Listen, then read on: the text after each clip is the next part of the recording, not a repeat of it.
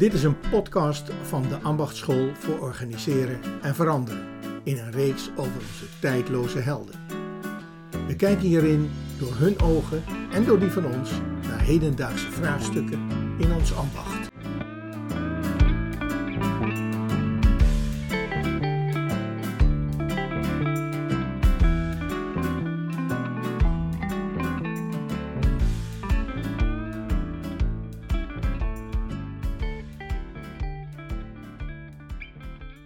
Zitten hier bij elkaar vanuit de Ambachtschool voor Organiseren en Veranderen.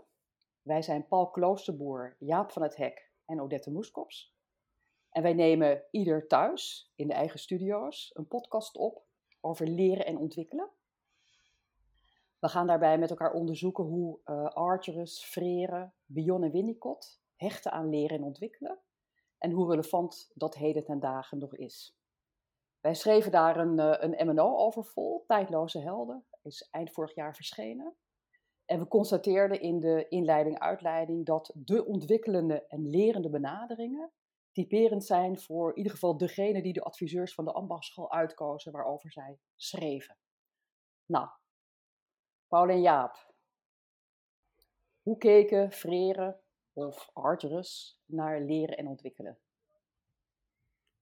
Zal ik beginnen uh, met, uh, met Frère? Want uh, als, als Frère nou ergens over heeft geschreven, is het wel over leren, naar mijn idee. Zijn beroemde boek heet Pedagogie der onderdrukte, of van de onderdrukte. Ehm, en voor hem was leren een manier om aan de, ja, onder, on, aan de onderdrukking te ontkomen, om je te emanciperen. En uh, hij hield zich vooral bezig met het alfabetiseren van uh, arme landarbeiders in Zuid-Amerika, in, oorspronkelijk in Brazilië, maar later ook in andere landen. Ehm, en had, ja, heeft gewoon een hele eigen kijk op leren ont, ontwikkeld, waarin leren en handelen, namelijk de revolutie, hand in hand gaan. Um, dat heeft eigenlijk niet zo heel direct veel met ons vak te maken, lijkt het.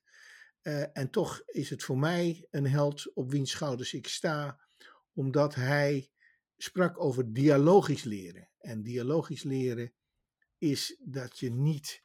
Hij zet er tegenover uh, wat hij noemt depositair leren. Je, je opent als het ware de schedel van het kind, gooit daar kennis in, doet de schedel dicht en hoopt dat het daarna met rente uh, weer jij ervan kunt genieten, zeg maar, als onderdrukker. En hij zette daar dus tegenover het depositaire, of het, het emancipatoire dialogische leren, namelijk een dialoog tussen leerling en leraar, waarbij niet de kennis van de leraar centraal staat, maar de ervaring van de leerling. Nou, die manier van denken ja, is voor mij ook in ons vak nog steeds eigenlijk ongelooflijk actueel. En dat is heel anders dan hoe, hoe het deed bijvoorbeeld, hè Paul? Uh, ja, dat, dat klopt. Uh, ook, ook Argerus uh, is niet toevallig natuurlijk. Hij heeft uiteindelijk zijn, zijn echte bekendheid en beroemdheid te danken aan het mede-grondlegger zijn van het, van het leren in organisaties. Ehm, en, en bij Argerus is het eigenlijk allemaal geboren uit ehm, ja, je kunt zeggen, zijn allergie tegen de uh, alledaagse poppenkast die we met elkaar in organisaties opvoeren. Wat hij wel de accepted cheating game noemt. Dus dat we van allerlei dingen van elkaar zien, ook van allerlei dingen van elkaar vinden en daarbij denken, maar die net niet met elkaar delen, maar gewoon in heerlijke beleefde conversaties met elkaar blijven. Um, en, en waar hij zich erg over opwond, was het onrecht. Dat, misschien zit daar wel een overeenkomst met Frère. Want ook Artsis werd enorm getriggerd door het onrecht. Dat je elkaar daardoor de kans ontneemt uh, om, om daarvan te leren hoe mensen jou werkelijk uh, zien en ervaren. En, uh, en daar lag echt zijn, zijn echte trigger om, uh, om ook echt levenslang tot aan zijn dood toe hierover te, te schrijven en, uh, en gedachten over uit te dragen. Terwijl theoretisch inhoudelijk grappig genoeg gaat het vooral over je consistentie in je eigen denken. En is dat helemaal niet zo beperkt tot organisaties of zo eigenlijk. Dat kun je veel breder lezen. Maar ehm, hij, hij, is hiermee zelf eigenlijk in een eigen ervaring ooit tegen de lamp gelopen in organisaties. Doordat ehm, mensen pas veel later met hem deelden wat een ongelooflijk vervelende kwal ze hem vonden bij zijn eerste werkgever. En toen hij daarachter kwam, dat was echt de trigger van uh, dat, hij dat wilde uitdragen aan de wereld. Van dit, dit mag nooit meer een mens overkomen. Hoe was dat bij Bayern en Winnicott, Odette? Ja, dat zijn therapeuten. En um, die hebben zelf zich eigenlijk nooit met organisaties uh, bezig gehouden. En wat wel is gebeurd, is dat ideeën die, uh, die zij, Winnicott en Bion, in de jaren 50 en 60 hebben ontwikkeld, vooral dat die geïmporteerd zijn, hè, weer door anderen, om toe te passen in organisaties. Hè. Dat maakt ze toch tot een soort, ik zal maar even zeggen, metafoor. En hoewel holding en containment, hè, daar schreef ik ook over, vaak aaneengesloten worden gebruikt. Hè.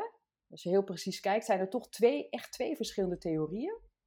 Waarbij Winnicott eigenlijk heeft geïntroduceerd de holding and facilitating environment, die kortweg holding wordt genoemd. En als je dan van de holding een iemand maakt, is dat eigenlijk een iemand die een aanpassende omgeving is, die zich afstemt op de ander op een zodanige manier dat leren en ontwikkelen mogelijk wordt. Het is een theorie die eigenlijk af is geleid van vroege ontwikkeling en wat daarna gebeurde. En Bion is de, degene die het woord containment heeft geïntroduceerd. En containment is eigenlijk het proces hè, waarin die iemand, hè, die iemand die die holding en facilitating environment is, oppikt met bewuste en onbewuste communicatie. Ja, wat eigenlijk voor de ander te verdragen is, zodat leerstappen worden gezet. Als ik het even heel kort door de bocht uh, formuleer. Maar zelf hebben zij zich dus nooit met organisaties uh, bezig gehouden. En anderen hebben eigenlijk die ideeën weer geïmporteerd, verrijkt, uh, et cetera. En ja, daar hoor ik ook bij. Ik vind het hele mooie, nog steeds waardevolle, waardevolle ideeën. En misschien wel een leuke anekdote gelijk. Want toen ik net voordat corona uitbrak, had ik een leergroepje. En die zouden zich gaan bezighouden met holding en containment. En die eerste bijeenkomst was toen corona uitgebroken was, hè, dus digitaal op Zoom. En bij mij ontstond toen toch een soort paniek. Kunnen holding en containment eigenlijk wel mee met wat ons nu allemaal overkomt, uh, enzovoort, enzovoort, enzovoort. Hè? Want het is zo nieuw en uh, hoe moet je dan veranderen en noem maar op. Hè? Nou, ik ben er uiteindelijk heel goed uitgekomen, ook met de groep samen. Maar wat mij toen trof, en dat is eigenlijk de anekdote, is dat Bion en Winnicott, die zijn zo lang geleden geboren dat ze de Spaanse griep, hè, de grote uh, pandemie van 100 jaar geleden, hebben overleefd nou, misschien, ja, waarvan akte. Wat, wat ik zo mooi vind, Odette, in, in Bion en, Winnicott en in die begrippen waar je het net over hebt, holding en uh, environment en, uh, en containment. Ik, ik had zo gewenst eigenlijk dat, dat ik vind het zo complementair aan Argeris. Um, ik heb daar zo meteen ook een vraag over aan Jaap, hoe dat bij Frère werkt. Maar uh, als er nou één ding is wat wij weten over leren, is dat mensen een bepaalde basale veiligheid nodig hebben om te kunnen leren. Dat in een onveilige omgeving is het gewoon beroerd en slecht leren. Dan zijn mensen niet bereid, dan kom je in de overlevingsstand, ga je niet in de spiegel kijken. Uh, zelf zegt wat, wat, hij dan noemt zijn Model One, die dus erg belemmert tot leren. Uh, dat gaat eigenlijk in de kern allemaal over zelfbescherming. Dus hij eh, betoogt uh, decennia lang van hou op met jezelf te beschermen en stel je open voor wat er echt is en zeg wat je ziet en deel dat met elkaar onbevangen en niet al die angsthazerij. Um, en eigenlijk het, het, voor mij het centrale begrip wat ontbreekt, is, is een van die twee van uh, holding environment of containment, of hoe je dat in de subtiliteit ook precies zou willen omschrijven. Ik vind dat het grote gemis in zijn theorie waar hij onbegrijpelijkerwijs voor mij aan voorbij gaat, terwijl hij zo moeite heeft met de voor mij heel begrijpelijke en logische neiging tot veiligheid en zelfbescherming, die de mens nu eenmaal evolutionair ingeprogrammeerd is. Ja, logischer kan het volgens mij niet. Hoe, hoe zit dat met leren en, en dat concept van veiligheid bij, bij Frère eigenlijk, uh? Ja, dat, dat, toen je al aankondigde dat je die vraag zou gaan stellen, is mijn denken al op gang gekomen, Paul. Maar het is nog niet. Uh, uh, het gaat een pratende denken worden. Uh, ik weet het niet. Kijk, wat mij. Um, Odette zei net over haar twee helden, het zijn therapeuten. Hè? Dus die, die, zit, die kijken heel erg naar wat mensen persoonlijk nodig hebben om een, een, beetje stevig in de wereld te kunnen staan. Dat, daar, gaan, daar gaan die begrippen ook over. En, en Argeris zegt juist eigenlijk, die nodigt de mensen uit om een beetje in de wind te gaan staan. maar dat doet hij ook als psycholoog. En um, en Frère is, nog, is geen psycholoog. Um, ik denk dat hij pedagoog is, maar dat weet ik niet zeker. Maar eigenlijk is zijn boek vooral sociologisch. Hij kijkt veel meer naar de samenleving als geheel.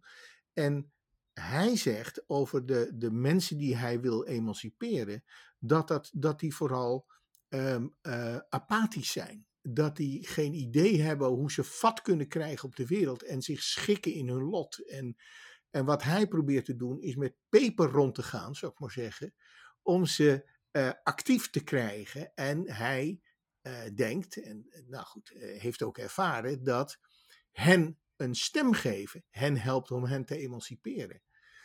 daardoor kunnen ze zichzelf voor het eerst uiten, zeg maar even, en kunnen ze zichzelf serieus nemen.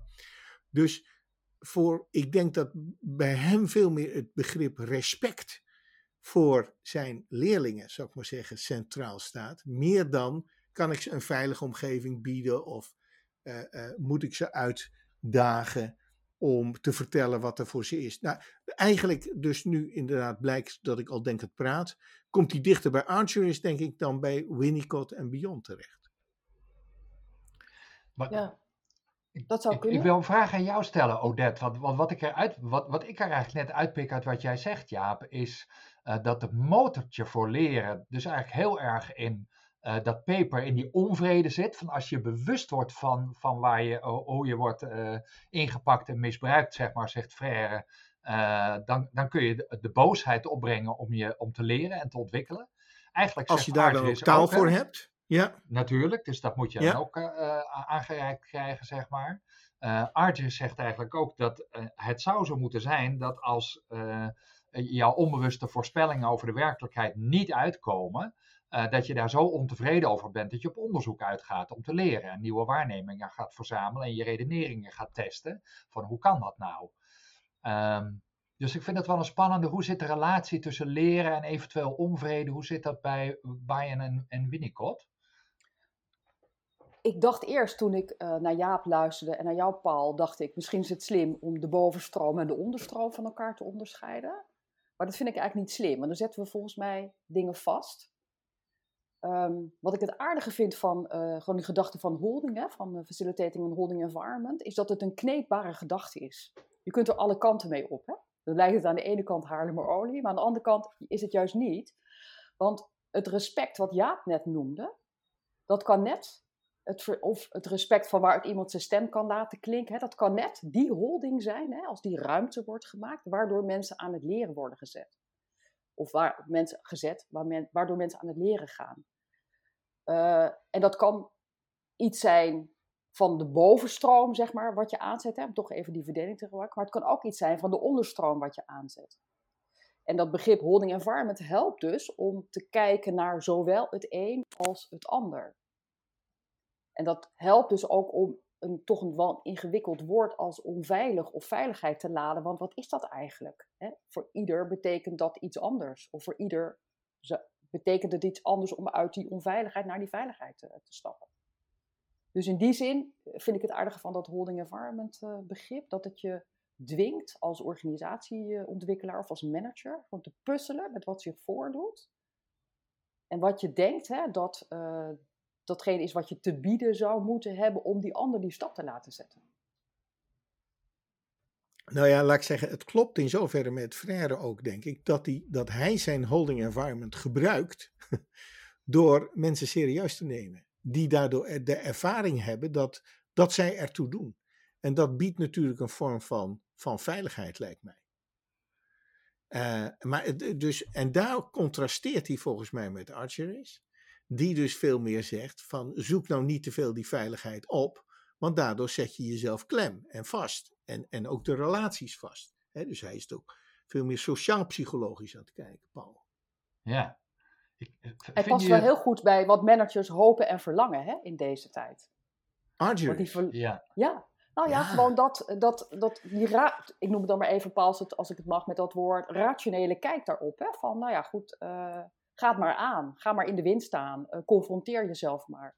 Als ik managers eh, spreek, is dat gewoon eigenlijk wat ze het liefste willen. Dat ze al die ingewikkeldheden niet, eh, niet nodig hebben van respect en ruimte maken. Als, ik nu, ki- als ik nu kijk, dat is wel leuk, wij zitten nu 31 maart voor de luisteraar. En wij zitten dus net midden in die affaire eh, eh, in de politiek met eh Kajsa Ollongren, die toevallig per ongeluk heeft laten zien Pieter Omtzigt functie elders. De luisteraar weet het allemaal wel weer te herinneren dan, denk ik. Ehm, dan zie je dit soort mechanismen zo mooi terug. Dus je ziet ehm, wat Artis in Model 1 eh, beschrijft, de reflex tot zelfbescherming ook bij de macht. Dus de macht nodigt uit natuurlijk, nee, alles kan er zijn en, en we moeten alles onderzoeken. Ondertussen is de werkelijke reflex bij de macht van eh, hou het onder de pet, eh, hoezo, verkenners hoeven geen openheid te geven. Eerste reflex van Rutte, nee hoor, gaan we het niet over hebben, eh, niet benoemen, gewoon nieuwe verkenners, geen... du- dus je ziet hoe gewoon de zelfbescherming ook bij de machtigen de primaire reflex is. En, en in de praattheorie, Arthur heeft natuurlijk dat mooie onderscheid tussen praat- en doe-theorie. De praattheorie is uitnodigen. Nee hoor, je moet onbevangen, rationeel zeggen wat je vindt en wat je ziet. Terwijl in de doe-theorie zowel de macht als de minder machtigen eh, dat helemaal niet doen, maar allemaal voor hun eigen veiligheid kiezen. E- even nog één zin. eh, één zin. Eh, ik zie Pieter Omtzigt een beetje als de belichaming van Archerus eh, in deze tijd. De man die onbevangen probeert aan te kaarten wat er dan echt is. Eh, en je ziet dus hoe er met hem wordt omgegaan, hoe dat eh, uiteindelijk bij de macht eh, landt en wat er dan gebeurt. Ja, Maar daar, en daar komen ze zo mooi bij elkaar, die Bion en Winnicott aan de ene kant en Archers aan de andere kant, naar mijn gevoel. Kijk, diezelfde Pieter Omzicht is nu ook zwaar overspannen.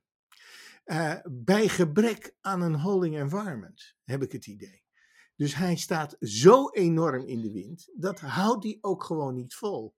Dus, dus het, ehm, dat, dat idee wat managers hebben, en het verlangen ook, dat mensen in de wind durven staan en, en risico's durven nemen en allemaal van dat soort dingen, is heel begrijpelijk in deze tijd. En tegelijkertijd is dus de paradox dat dat waarschijnlijk alleen lukt als je ook eerst een holding environment als het ware weet te creëren, waardoor mensen het gevoel hebben dat ze nog ergens op kunnen terugvallen als ze die risico's nemen.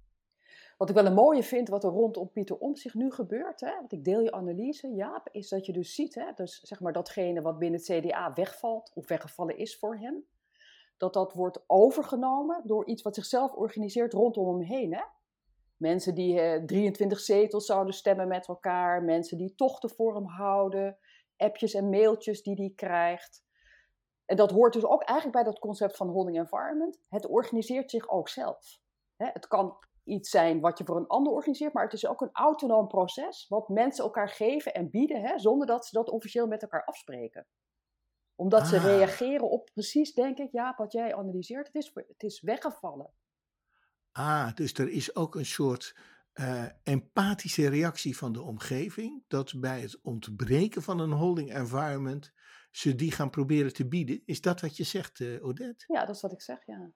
Ik, ik, ik heb daar een iets andere kijk op. Dan kom ik terug bij het gevoel van recht en onrecht. Ehm, wa- wat, ik denk, wat, wat we zien in, in het systeem, dat is grappig, je, zag het toen eh, Baudet werd, werd aangevallen door Martijn de Koning. Eh, toen zag je ook in één keer dat mensen zoiets hadden, ja, maar dit is onrechtvaardig, dit mag dan niet. Aan de andere kant van het spectrum zag je toen eh, eh, Wilders eh, Sigrid Kaag onder de gordel aanviel als verrader. En je ziet het nu weer bij Pieter Omtzigt. Dus als het publiek waarneemt, en dat is ook onze programmatuur evolutionair voor het leven in groepen. Dus het is belangrijk dat er iets van recht en onrecht is. En als mensen een soort onrecht zien van ja, maar dit kan niet. Uh, dan, dan zie je dat groepsreflex. We zien dat, wij werken natuurlijk veel met groepen, alle drie. Dan zie je dat vaak met deelnemers ook. Als een van de deelnemers onrecht wordt aangedaan, dan gaat de groep in cordon uh, staan rondom diegene die onrecht is aangedaan. Van alles goed en wel, maar dit kan niet. En dan gaat er een soort ongeschreven solidariteit. En ik heb eigenlijk het gevoel dat dat nu gaande is. Dat het systeem eh, gaat staan als een cordon rondom degene die wordt uitgesloten. Ja, en dat noem je dan in de therapie het proces van onbewuste communicatie. Dus zonder dat er expliciete afspraken worden gemaakt over, is dat wat je mensen geautomatiseerd uh, met elkaar uh, ziet doen. En dat maakt het ook voor onze werk zo interessant, dat mechanisme. Want wij zien dat ook gebeuren. En wij kunnen dan expliciteren, zoveel mogelijk wat er gebeurt en of dat functioneel of dysfunctioneel is, gegeven wat er te doen is met elkaar. Dit vind ik fantastisch dat je dat zegt, want dit zijn ongeschreven regels die we allemaal kennen en die, die je volgt. Dus dat maakt het inderdaad super interessant uh, om naar te kijken. Um, nou, hier is natuurlijk nog, nog heel veel meer uh, over te zeggen over dit onderwerp. Ik heb het gevoel dat we nog maar net zijn begonnen in ieder geval, ik weet niet hoe het bij jullie is, maar mijn, uh, mijn hoofd tolt nog over van uh, de ideeën en de, en de, nieuwe stof die ik in deze, dit gesprek zou willen inbrengen. Um, um, maar we gaan dit gesprek bij deze afronden. Um, waarbij we, denk ik, het begrip leren en ontwikkelen toch hebben verrijkt met een hele aantal andere concepties, waarbij recht en onrecht en rationaliteit en holding environment en, en andere begrippen erin zijn gebracht. Er is nog veel meer. Wie weet voor een volgende keer. Maar uh, voor dit moment uh, uh, ronden wij dit gesprek af. Tot ziens. Ik vond het een leerzaam gesprek, jongens. Bedankt.